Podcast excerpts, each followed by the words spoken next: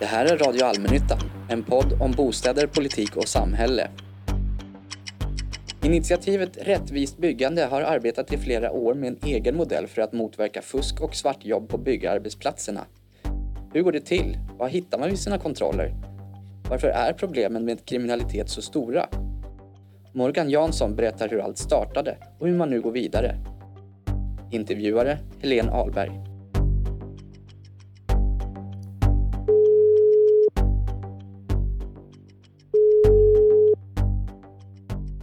Morgan Jansson. Hej Morgan Jansson och välkommen till Radio Allmännyttan. Äntligen! Hej, tack så mycket, tack. Ja, äntligen. Kan vi, säga. vi har försökt några gånger men det har blivit uppskjutet och lite inställt och sjukdomar och nu kör vi per telefon. Yes, äntligen får vi till det. Vi ställer inte in, vi ställer om som det heter så käckt. Sådana tider vi lever i nu. Ja, det är ju så. Tyvärr. Vi hade ju tänkt prata lite grann om eh, rättvist eller orättvist byggande och sund och osund konkurrens, kriminalitet eller icke-kriminalitet i byggandet. Och mm. att jag vill prata med just dig är ju för att du har ju länge varit drivande i Stockholmsbolagens initiativ för rättvist byggande. Ja, precis. Varför detta engagemang från din sida? Jag kan börja rent personligt faktiskt. Så har jag svårt för fusk och orättvisa som går ut över andra som vill göra något bra. Det har jag med mig som en stark värdering egentligen. Kanske därför just jag engagerar mig lite extra i den här frågan när jag fick upp ögonen för hur mycket sånt det faktiskt är i byggbranschen. Och eftersom vi är en del av en organisation som köper mycket byggentreprenader så kan man inte titta bort från det om man väl har fått förståelsen att det här pågår. Och vi har ett jättestort ansvar som en del av samhället att se till att det såklart inte fuskas eller begås några brott i våra projekt. Det är inte någonting man får en guldstjärna för i allmännyttigt bostadsbolag utan det ska man kunna förvänta sig av oss. Och så var det inte riktigt 2017 när jag fick upp ögonen för det här. Du har varit inköpschef på Stockholmshem i dryga fem år. Ja, precis. Jag började sommaren 2016 så det blir fem och ett halvt år ungefär. Vad gjorde du innan dess? Innan dess så arbetade jag på företag som driver fastighetsförvaltning i olika former. Det är ett managementbolag, en startup under tre, fyra år. Innan dess har jag jobbat i stora bolag med inköp sen jag slutade universitetet. Oftast det här storbolagsperspektivet, att man har en köpkraft som ett verktyg kan man säga. Vi tar det från början då med initiativet Rättvist byggande då som drog igång 2017 sa du. Hur och på mm. vilka premisser startade det liksom först?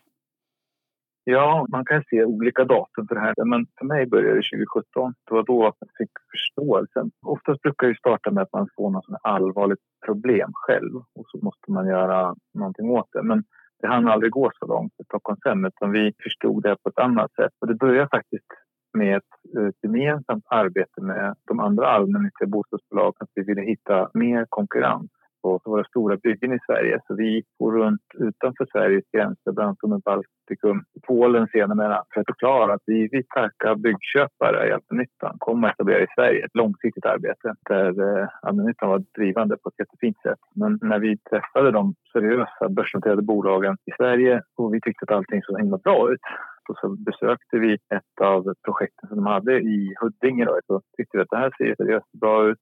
Sen av en slump så hamnade just det bygget vi hade besökt på nyheterna. För det var en, en sån här myndighetsgemensam razzia där. Mm. Och det var ju allt annat än okej okay där. Det var nio personer som blev frihetsberövade direkt. De fick inte vistas i Sverige. Flydde och det var omfattande fusk med 06 och skalskydd och allting. Och då slog det mig, om inte vi, trots att vi gör vårt bästa, kan se det där vad är det som pågår då på alla andra byggen hos oss? Det spelar ingen roll det här var ett baltiskt bolag. Utan det här förekommer överallt. Jag ringde upp dem som jobbar med myndigheter och frågade rätt ut. Är det så här det ser ut? Ja, då sa han ja, men det ser ut på alla byggen. Det finns inga undantag. Alla byggen i Stockholm som han jobbade med är drabbade av omfattande fusk av olika slag. Från lilla Karlporten till stora Nya Karolinska. Och så ser det ut. Och det var en nattsvart bild som jag liksom inte riktigt kunde svälja. Det kan inte se ut så så. Och då handlar det om att försöka hitta, kunna se igenom fasaden. Och sen dess har vi jobbat för att göra det. Vi tog hjälp av eh, bland annat Arbetsmiljöverket, Gränspolisen, Västerverket, Ekobrottsmyndigheten, Stockholms byggmästareförening och Fairplay Bygg. Alla som kunde något om det här bad vi om hjälp. Så att kan ni lära oss hur det går till så kan vi säkert bygga en modell och lägga resurser och kraft på att se till att det inte finns hos oss i alla fall. För då fanns det, det ingen, ingen modell utan ni fick liksom uppfinna hjulet? Ja, då uppfann vi hjulet. Med hjälp då såklart. Vi hade inte kunnat få det här själv. Vi var det första bolaget någonsin i Sverige som hamnade med i Ekobrottsmyndighetens operativa handlingsplan som ett test, som en pilot. Kan de bedriva brottsförebyggande arbete genom en annan så att de hjälper oss till självhjälp, om man säger. Så det började så från ett vitt papper, men med ett starkt engagemang. Vi sa att vi kommer att mobilisera allmännyttan i Stockholm, även om vi började med Stockholmshem för att vi skulle göra alla barnsjukdomar och fel i början så slapp de andra systerbolagen göra samma sak. Men det var planen redan på start att alla skulle samarbeta i samma modell. Vad är det för åtgärder och vad ingår i den här modellen för rättvist byggande nu? Eh, ja, precis. Bra att du säger nu, för det försöker ju hänga med. Det säger ju polisen också att man måste göra. Vi måste försöka förstå hur man fuskar för att själv hänga med. Man är alltid ett par steg efter. Det började med, och det är fortfarande ryggraden, att alla företag som jobbar i våra projekt måste vara kända och kontrollerade av oss. Det har vi egentligen delegerat till en entreprenör hela det ansvaret och vi betalar också för det. Det är en jätteviktig ryggrad i hela rättighetsbyggandet. Alla bolag ska vara föranmälda, kända och kontrollerade. Då får vi chansen att också neka tillträde till bygget om det är så att vi upptäcker eller vet om företag som inte är seriösa. Det är ju skrivbordskontroll bara. Vi måste också följa upp det med att vara ute på plats. Hitta att det inte är några andra företag på plats än de som då vi har godkänt. Och det är väl där som skiljer rättighetsbyggandet från många andra modeller vi är ganska ensamma. Ja, nu på sistone har det dykt upp fler, men första åren så var vi väldigt ensamma om att göra just det. Följa upp ute på plats. Och det visar sig att det är väldigt många fler företag som är på plats än de som vi känner till och har kontrollerat. Och så är det fortfarande. Hur ofta gör ni sådana här på, blir... på platskontroller? De är oanmälda, ja. eller hur? Eller ni, ni ja, berättar inte i förväg att ni kommer och kollar? Nej, vi gör inte det. Det är både för att man inte ska kunna förbereda sig men också ett skydd för de som jobbar, våra projektledare, ska inte kunna gå och påverka vare sig liksom med, med hot eller mutor. Det är väldigt, väldigt få som vet när de görs och det är ett säkerhetstänk i det. Vi har gjort 120 kontroller sedan starten. Är det Stockholmshem som har eh, gjort så många eller är det inom, inom hela initiativet? Inom hela. Då var det ju bara Stockholmshem de två första åren. 2019 anslöt de andra. Och de andra, du kan räkna upp dem? Ja, det är ju Svenska Bostäder, Familjebostäder, Mikasa och Sisam. Sisab är ju kanske i det här sammanhanget liksom lika välbekant, men det är Stockholms eh, skolfastigheter. Mm. Det är inget allmännyttigt bolag så, men eh, ungefär samma fastighetsägarroll. Vad hittar ni då, då när ni genomför sådana här oannonserade kontroller? Har du några liksom konkreta exempel? Mm. Men vi hittar, jag sitter här framför datorskärmen nu hemma och tittar på all vår statistik. Vi har ju vunnit samla på. Jag är ju ingenjör själv så jag gillar ju att mäta och följa saker och ting. Sen kunna dra slutsatser när man har samlat på sig en del data. Så vi har rätt mycket data faktiskt. Men det vi alltid hittar det är skalskyddsproblem. Alltså fel i staketen som ringar in ett bygge eller grinden. Och Anledningen till att vi är så noggranna med det är egentligen inte för att tredje man ska komma in och göra illa sig eller sno någonting. Det är också viktigt. Men vi har lärt oss att det är en väldigt tydlig indikator. Om det är en svängdörr på baksidan mot en träddunge eller någonting det är lätt att gå in och ut och man vet att där går det alltid in folk på morgonen. Det är av en anledning. Vi har sett rätt mycket av den varan. Vi vet att det finns ett flöde av eh, personer som kommer in på bygget utan att vilja bli sedda när det är stora byggen. Och det är bara ett enda projekt under alla de här åren som har fått godkänt på alla punkter. Men då är det några projekt som ändå har varit nära. Men då är det alltid skalskyddet som de faller på. Så bristande skalskydd hittar vi alltid. Vi kallar det skalskydd, men det är alltså och vind kan man säga. Om är fel i staketet, är det att det är liksom uppklippta nät eller är det att man satt in en extra dörr eller vad kan det betyda? Nej, men det kan vara att går att ta sig in på bygget utan verktyg Många gånger är det fordonsgrindar som man slarvar med, som alltid står öppna. Mm.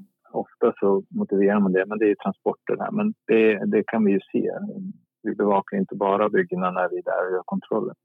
Utan de stod öppna hela eftermiddagen också.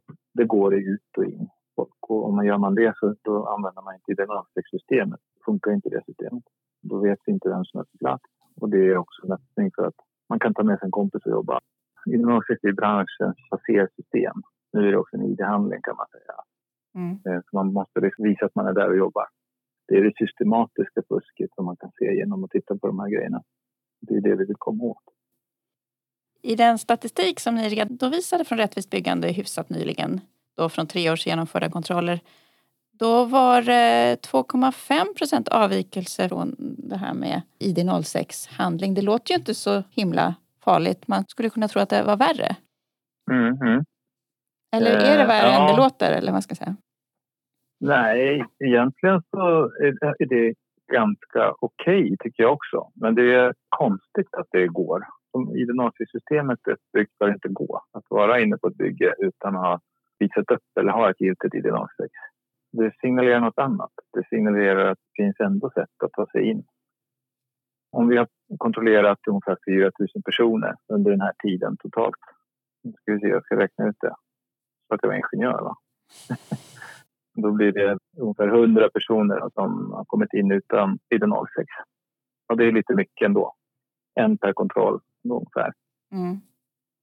Men det är inte hela världen. Jag tycker en avvikelse mot tillstånd som vi kallar det för som ligger på ungefär 3,5 procent. Det är långt mycket allvarligare. Det betyder att man inte har arbetstillstånd i Sverige och då kommer man inte kunna få ut ett id kort heller. Då ska man inte kunna arbeta någonstans. Så den siffran betyder ju att det pågår en brottslighet på plats som kan leda till fängelsestraff både för den som anställt den här och den som köper den tjänsten. Mm. Så den tycker vi då är, när det gäller avvikelse arbetstillstånd, ska vara noll. Vad gör ni när ni hittar eh, någon med, som inte har arbetstillstånd? Vad händer då? De får ju såklart chansen att visa upp det.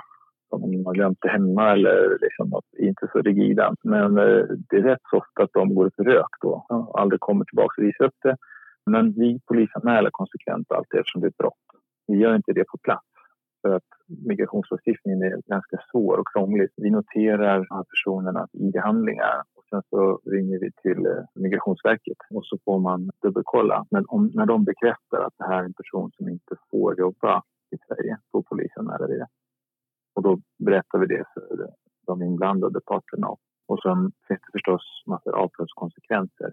Och sen gör vi uppföljningskontroller. Så fort vi har problem eller avvikelser i något projekt fortsätter vi att kontrollera tills det inte finns någon avvikelse längre. Och Den... det som sagt har hänt en gång. det låter så deprimerande när jag säger det. Men, men det, jag vet inte, jag tycker inte heller att det är särskilt högt ställda ambitionsnivåer vi har.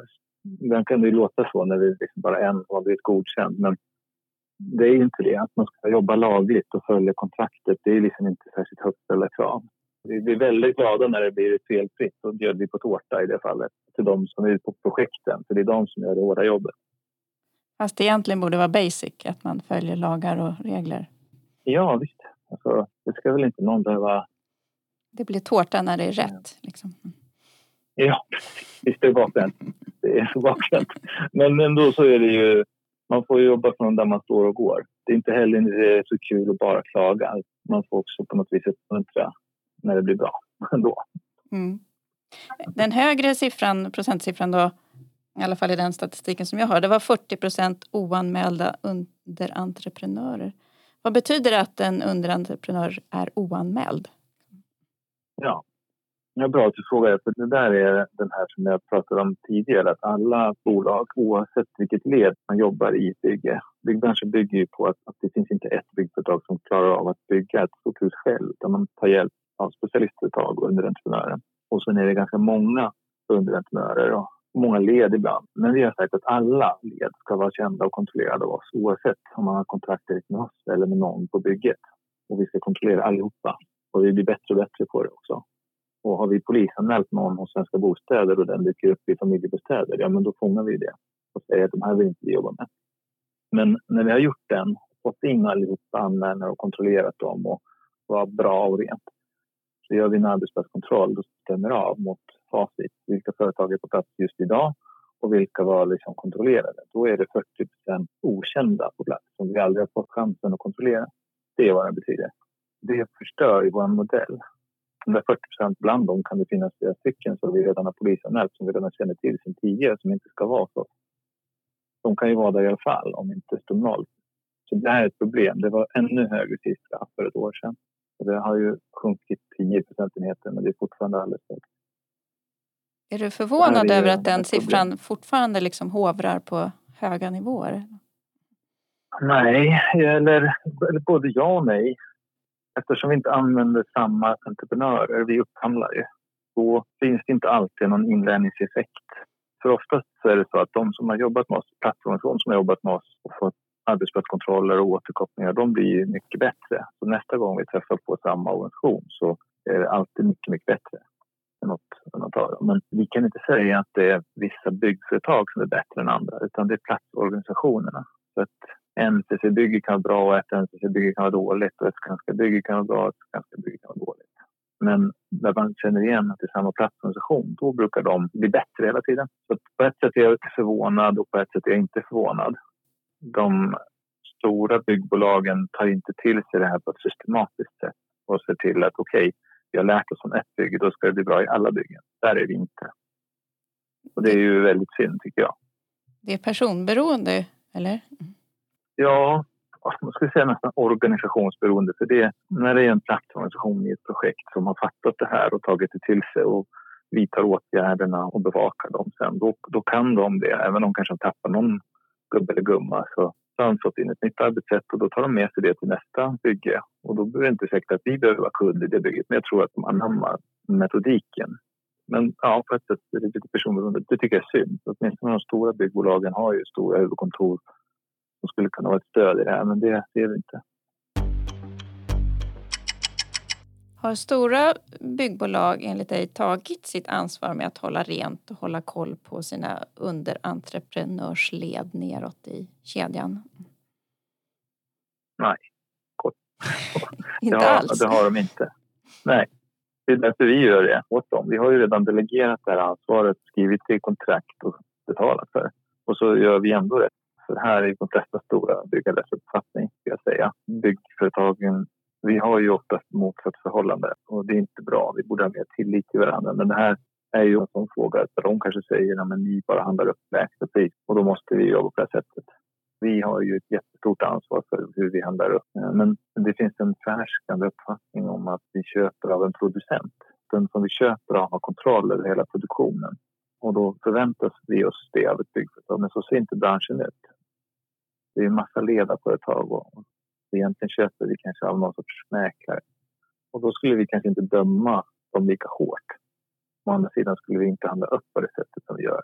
Då skulle vi kanske i större utsträckning gå på delade entreprenader eller vända oss till andra delar av branschen. För vi vill ha kontroll, eller att de ska kontrollera produktionen. På samma sätt som när man köper ett par jeans på H&M så förväntar man sig liksom att de ska kolla att de inte tillverkas av en barnarbetare även om produktionen ligger i Indien eller Kina.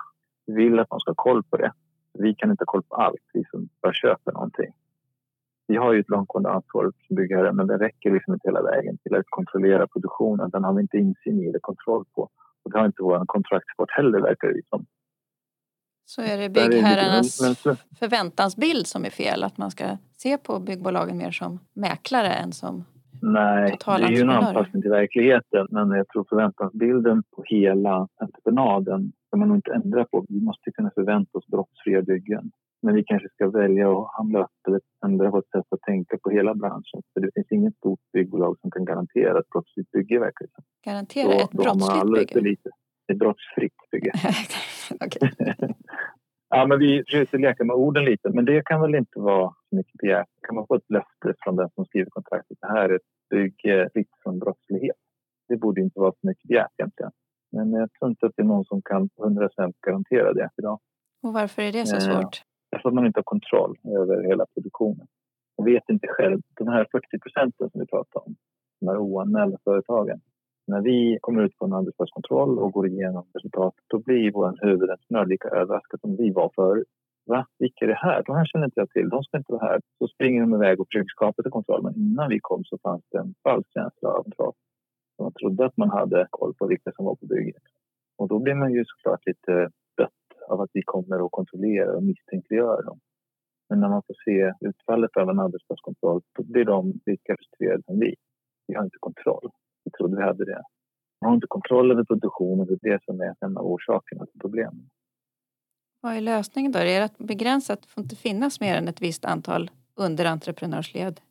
Om det är så svårt att kolla. Ja, det är bra att fråga igen. Vi har ju hållit oss ifrån den att byggare begränsa. Eftersom vi är offentliga så vill vi egentligen inte lägga oss i om en stort byggföretag klarar av att ha kontroll på led och ett annat har kontroll på tre led. Då måste de kunna få välja eller arbeta själva. Men kontrollen den förväntar vi oss oavsett antalet led. Jag tror nog mer att man ska förstå vilka mekanismer man kan jobba med. Och en sak som är, jag tror den absolut enklaste och bästa det är att ha en väldigt bra ordning på sin BASU, alltså arbetsmiljöansvaret och ha en inpasseringskontroll. För bara personer med arbetstillstånd och giltig ID06 med tillhörande ID-handling som får komma in. Ingen annan är där inne. Då är 90 procent av det här löst. Det är inte så svårt om man verkligen vill. Det där tycker jag är det bästa att skicka med i den här. Det är bara till att ni har en väldigt bra inpasseringskontroll. Och det går att lägga ribban Det- högre än att bara att upphandla icke-kriminella entreprenörer. Ja, ja, ja bra uttryckt. Det, det ska vi definitivt göra. Om man snurrar upp en nivå, har den här frågan med fusk och kriminalitet i byggsektorn, hur har den utvecklats som man säger då de här fem åren? Har de ökat eller minskat eller är det status quo? Jag skulle nog säga status quo. Men eh, det upplevs nog inte så för att det snackas ju otroligt mycket mer om det medialt nu än för fem år sedan. Den gemene man kanske har fått upp ögonen, eller åtminstone vi som är i, i branschen pratas mycket mera om det här i branschorganisationer och från politiken. Det upplevs att det är mer. Jag tror inte det. Däremot om jag tar ett längre tidsperspektiv och då får det vara med en nypa salt eftersom jag inte är så gammal själv. men, men de jag har läst mig till är ju att det har blivit från liksom, 70-talet där det var någon enskild person som jobbade svart på en del byggen till att det blev mer organiserat med mc-gäng på 80-talet och 90-talet kanske också. Men sen på 2000-talet har det blivit eh, mycket mer raffinerat och välorganiserat. Och till och med liksom en internationell touch. Det är organisationer som drar nytta av olika typer av lagstiftningar och länder och ser till att flytta arbetskraft från olika delar av världen där det blir gynnsamt för dem. Det har blivit värre och värre utifrån hur raffinerat och organiserat det här är. Det är det definitivt. Det säger alla som jag har pratat med på tillsynsmyndigheten också. Vilket gör att det inte är särskilt lätt att motarbeta. Och vad var det som öppnade portarna liksom för detta då på 2000-talet? Vad är det som har styrt den utvecklingen? Jag vet, alltså, jag hör ju vad andra säger. men Jag har egentligen ingen riktig uppfattning själv. Jag är mer en sån här som tillämpar och försöker förhindra det. Men jag hör ju vad många säger och det är avregleringen. Att man släppte liksom alla gränser inom EU först och främst. Då var ju de som jobbar i tredje land intresserade av att jobba i EU. Man tjänar mer pengar. Och så hör jag, speciellt från Ekobrottsmyndigheten, att det har blivit lätt att använda företag som brottsverktyg. Att det är svårt att få fatt på individer. Det är oftast individer man kan lagföra. De ansvariga individerna är, är målvakter ganska ofta. Och lyckas man lagföra eller något företag går i konken då är det ett nytt bildat ta efter. Så det, det är en balans det där. Det är klart att vi vill att det ska vara lätt att starta företag och inte för mycket hinder för massa kreativa bra saker som människor vill göra och det bygger ju ett samhälle och arbetstillfällen. Man vill inte att det ska missbrukas av dåliga krafter. Det har ju kommit mängder av nya initiativ på sistone bara, Mm. från både regering och myndigheter, och organisationer och företag. Eh, Är det en meta, är det, det är inte ett tecken på att problemet eskalerat? Det är liksom själva uppmärksamheten kring frågorna som har fått fler att agera. Ja, Eller? det tror jag. Ja, så ser jag det.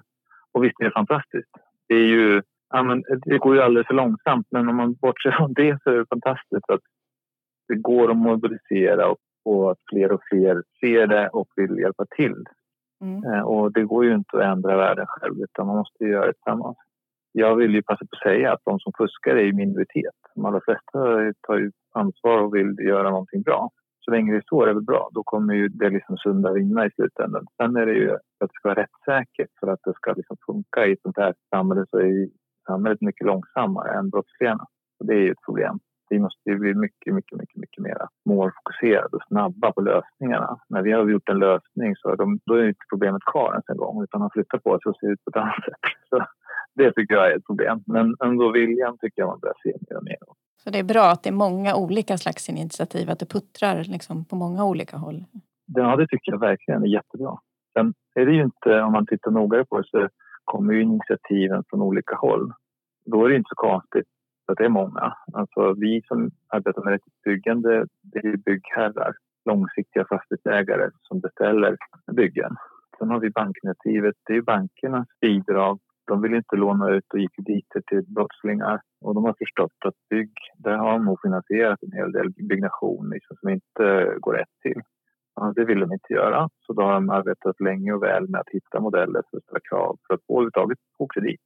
Medan byggföretagen då, som organisation, de representerar ju de som bygger. De har ju sitt initiativ och sina verktyg. De kan välja hur de utför sitt bygge. Så de behöver jobba på sitt sätt. Vi har arbetsmarknadens parter och då är byggföretagen en, men vi har ju Byggnads själva som gör sitt. Så har vi Kommuninvest som också jobbar med det här. Vi har kommun, vissa kommuner ställer krav på ett seriöst byggande för att få markanvisning. Myndigheterna har fått ett förnyat uppdrag att samverka när det gäller arbetslivskriminalitet. Det var intressant att bostadsministerns första intervju nämnde han ju det ordet. För det är på tapeten. Regeringen och arbetsmarknadsministern lägger mycket krut på det här.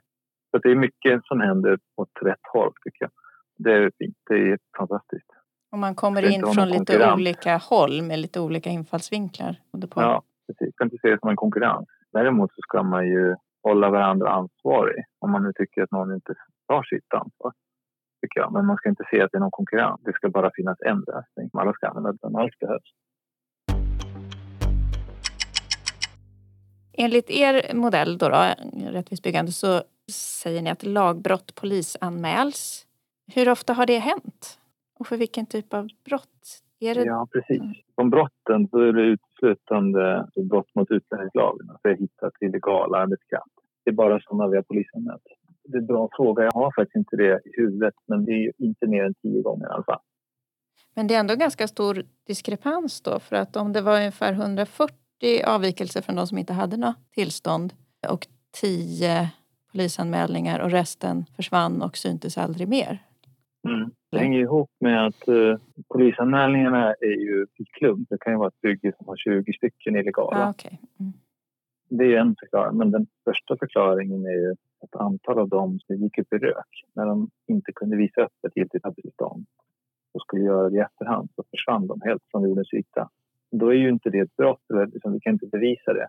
Men vi kan anta det. Hade de rätt att jobba här så var det en konstig sak att visa det. Och vi kan inte polisanmäla dem då eftersom vi inte har fått någon bekräftelse från Migrationsverket och vi får inte tag i dem. Så det är en liten diskrepans. Men som polisanmälningen har gjort då anser vi att vi har fog för det och det har lett till domar också. Men det är ett stort gäng som är lite så här eh, i molnet kan man ju säga också. Men som kan dyka upp ju, någon annanstans på något annat bygge senare? Ja, ja, alla gånger. Det har vi till och med sett. Men det är ju lite eh, vanskligt det här med att bevaka individer. Vi gör ju det här på ett säkrat sätt utifrån GDPR och de personskyddslagar som finns. Har vi ingen anledning att lagra någon data om någon så görs inte det. Och det lagras inte hos oss utan hos ett säkerhetsföretag om vi har en anledning att lagra data för att det pågår en utredning till exempel hos polis. Vi medverkar ju och vittnar ju i de här fallen och då brukar våra underlag vara väldigt värdefulla. Vi vet identiteter, tidpunkter och vilka företag man jobbat för.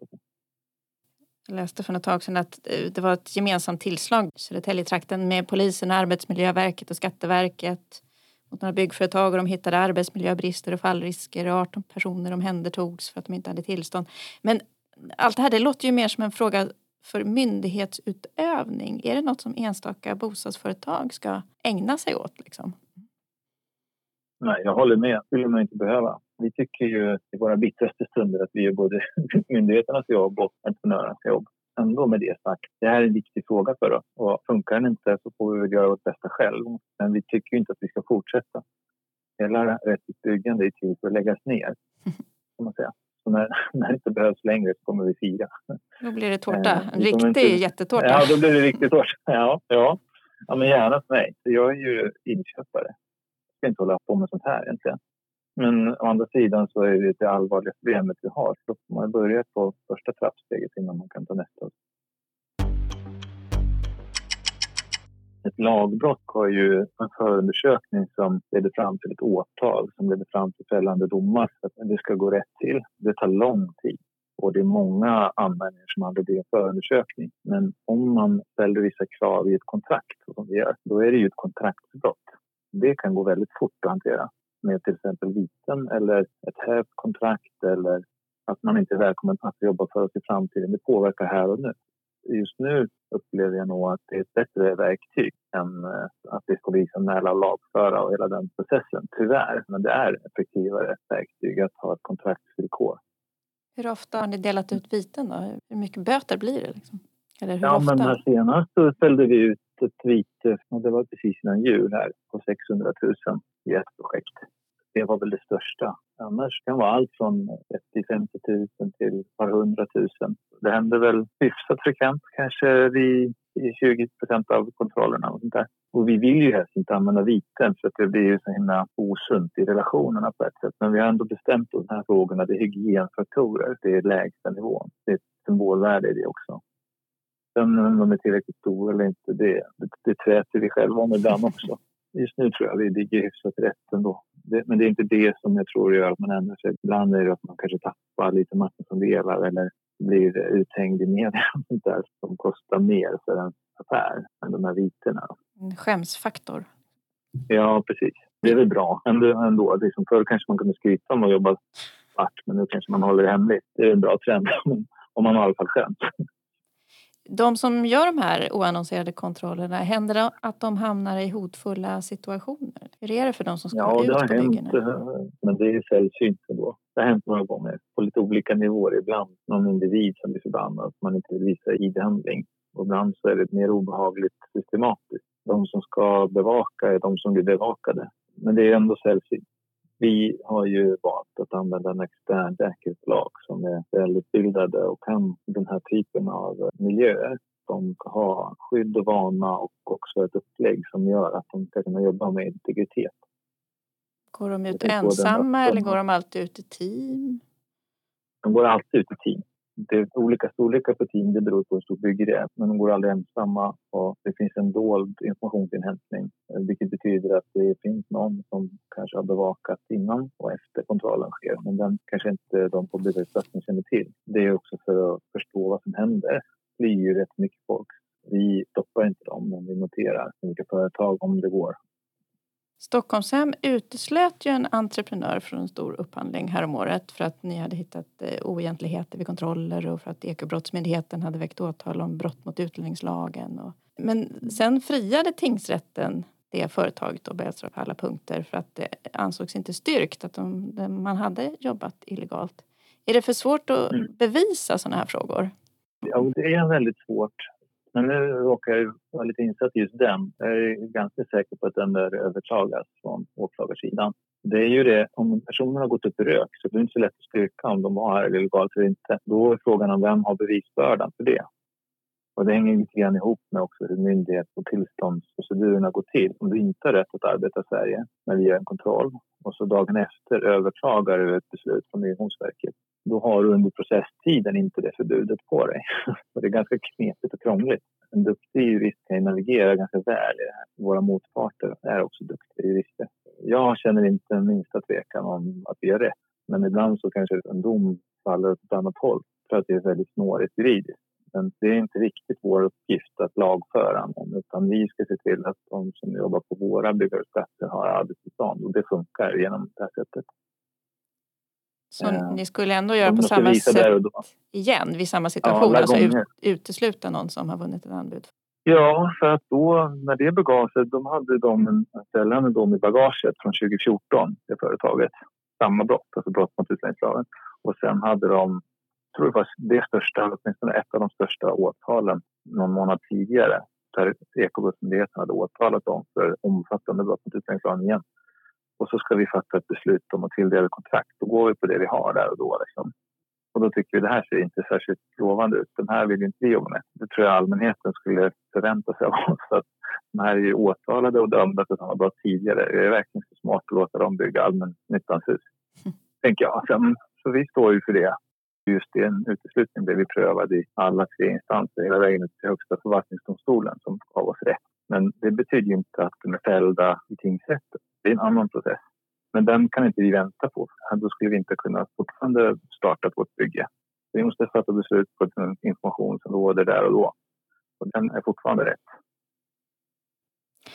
Det blir väldigt mycket med kontroller och det ska göras i massa... Alltså en fundering, måste ett samhälle välja mellan tillit eller kontrollsystem? Går Sverige liksom mot ett kontrollsamhälle i byggbranschen? Det blir väldigt ja, mycket resurser eh, kring kontroller. Liksom. Ja, jag att man ser det i ett längre perspektiv. För det har varit mycket mer kontroller. Sen har det avreglerat till egenkontroller. Kanske för långt. Och nu kanske vi ska ta ett steg tillbaka. Det skulle vara skönast om allting byggde på tillit. Men den del som fuskar den är omfattande och väldigt, väldigt kostsam för samhället och för de seriösa företagen som vi är överens om att det där är inget bra. Och det tycker jag att de senaste åren har visat att vi är. Alltifrån Svenskt Näringsliv till fackliga organisationer. Och då kan man också acceptera lite mer kontroll för vi förstår varför. Men är det bostadsföretag som ska liksom agera byggpoliser? Nej, det, byggpoliser det kanske inte någon av oss ska vara, varken polisen eller byggföretagen utan det kan kanske vara tredjepartskontroller. Förr i tiden, tycker jag det verkar som i alla fall, hade stora allmännyttiga bostadsföretag inte sällan egna byggbolag eller i alla fall större egna byggavdelningar. Var det bättre? Borde fler bygga mer i egen regi utifrån liksom de här frågorna? Var det bättre förr? ja. Eh, det är svårt att säga att det var bättre förr. Men vissa saker fungerade väl bättre förr, men det var också en annan värld. Jag tror inte man ska backa av den anledningen. Jag inte backa, men, men borde det finnas liksom gemensamma kommunala eller allmännyttiga byggbolag? Då? Man säger så.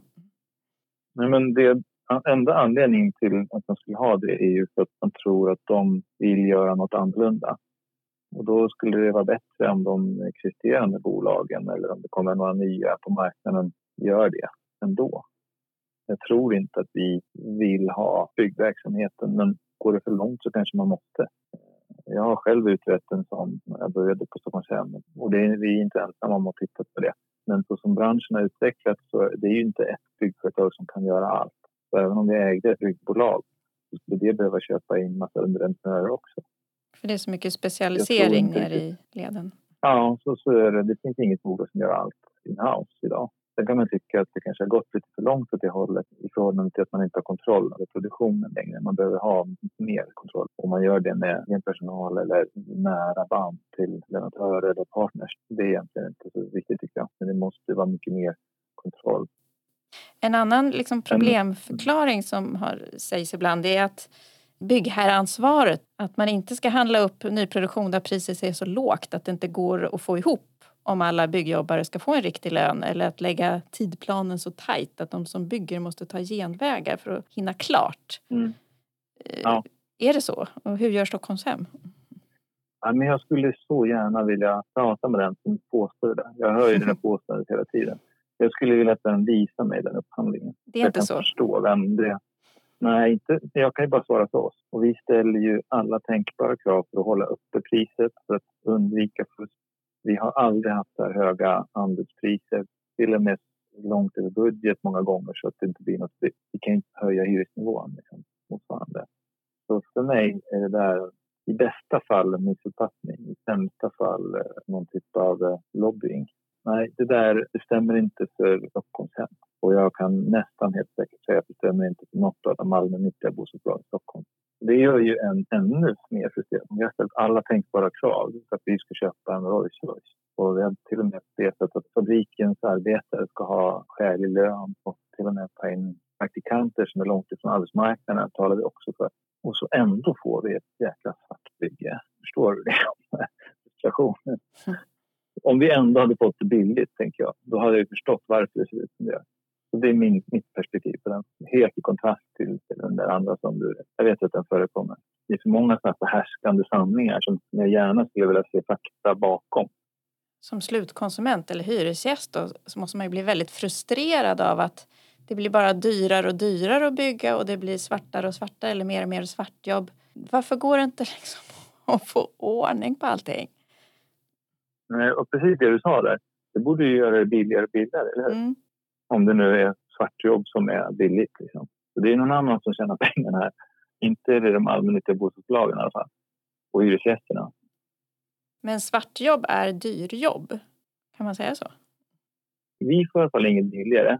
Vi får nog antagligen en sämre produkt som har utförts av svartjobbare. Sen så kommer ju alla andra problem att om man arbetar svart då är det mycket annat man fuskar med. Arbetsmiljö eller kvalitet, säkerhet, miljö. Det brukar inte vara en sak man slarvar med om man är beredd att bryta mot lagen. Ja, för det är ju mycket fokus på just att få bort kriminalitet. Men om man jobbar då enligt de här principerna, får man något annat bra på köpet? Typ bättre kvalitet och mindre byggfel? Ja, vi tror ju det. Men det vet vi inte. Alltså, jag vill vara ärlig. Jag vet inte eftersom det är, det är långa processer och det är också svårt att isolera en faktor och mäta den. Men vi är övertygade över det att om man har seriösa samarbetspartner så är de seriösa på flera områden. Vi tror absolut det, men jag kan inte säga att vi vet det. Jag skulle vilja säga en annan sak också. Jag lyssnade ju på tidigare avsnitt här. I podden? Precis. Där var det rätt intressant att höra på Skanska där man eh, har ett eget arbete. Jag vill liksom jämföra lite grann. Det är en diskrepans mellan vad många av de stora byggföretagen upplever som tillräckliga åtgärder och vad vi ser projekten. Och bara för att återknyta där så tycker jag att Skanska gör liksom skrivbordskontrollerna, det är det man satsar på. Men när vi, nu säger jag att Skanska var de som var med, men jag tror att det här gäller de flesta stora byggen. Men när vi träffar på dem ute i projekten, ute på byggarbetsplatsen, så ger inte de alltid effekt för det är inte alltid de prekvalificerade kontrollerade företagen som är där ute och jobbar.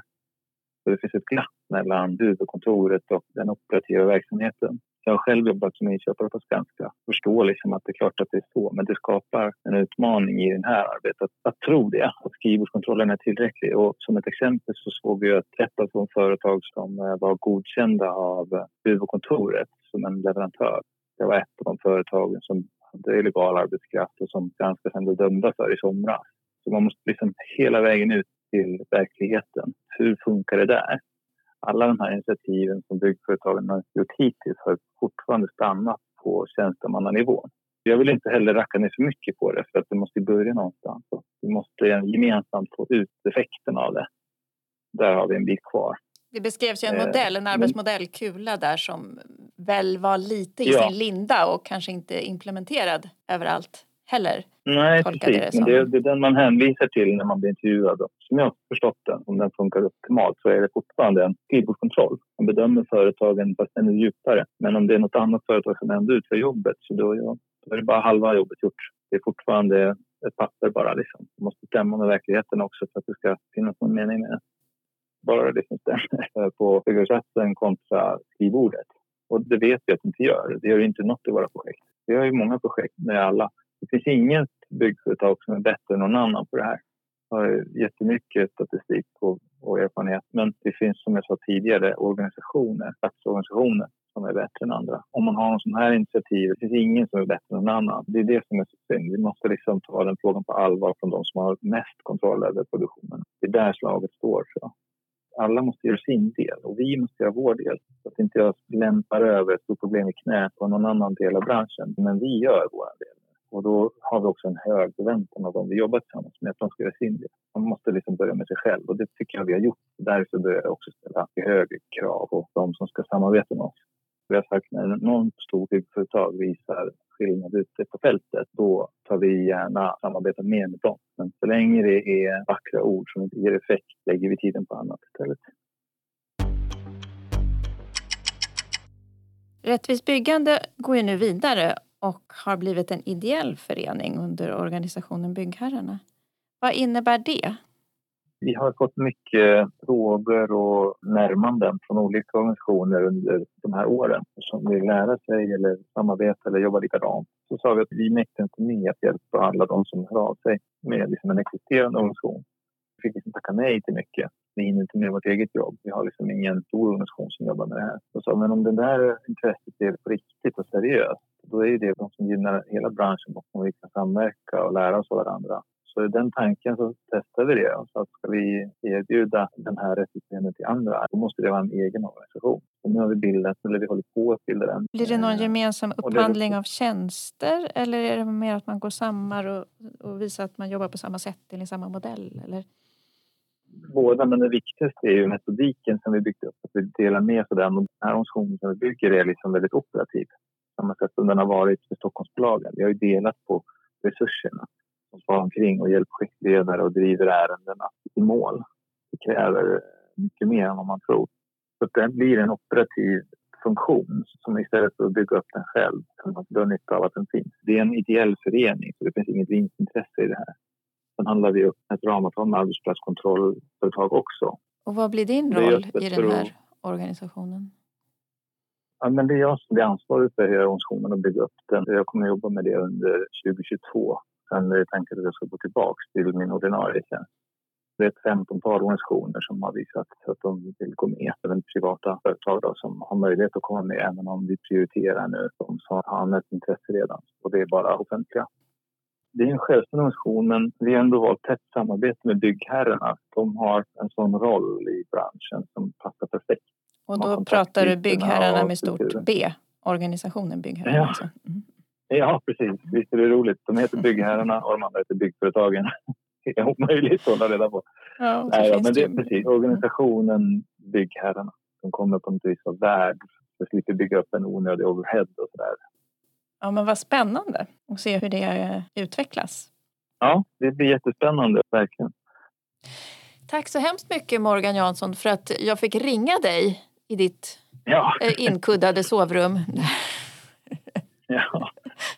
Tack själv. Och att linan höll hela vägen. Diskussion. Så hoppas Exakt. vi att det blir mer tårta det här året då, för att fira ja, att några gör rätt. Ja, jag hoppas att uh, tårtorna tar slut. för att vi har gett bort så många. Ja, du får åka dit och äta dem själv också. Ja, ja. Eller ja, det får man väl göra om man är smittfri. Ja, precis. Det också. Tack så mycket för att du var med. Ja, men tack själv.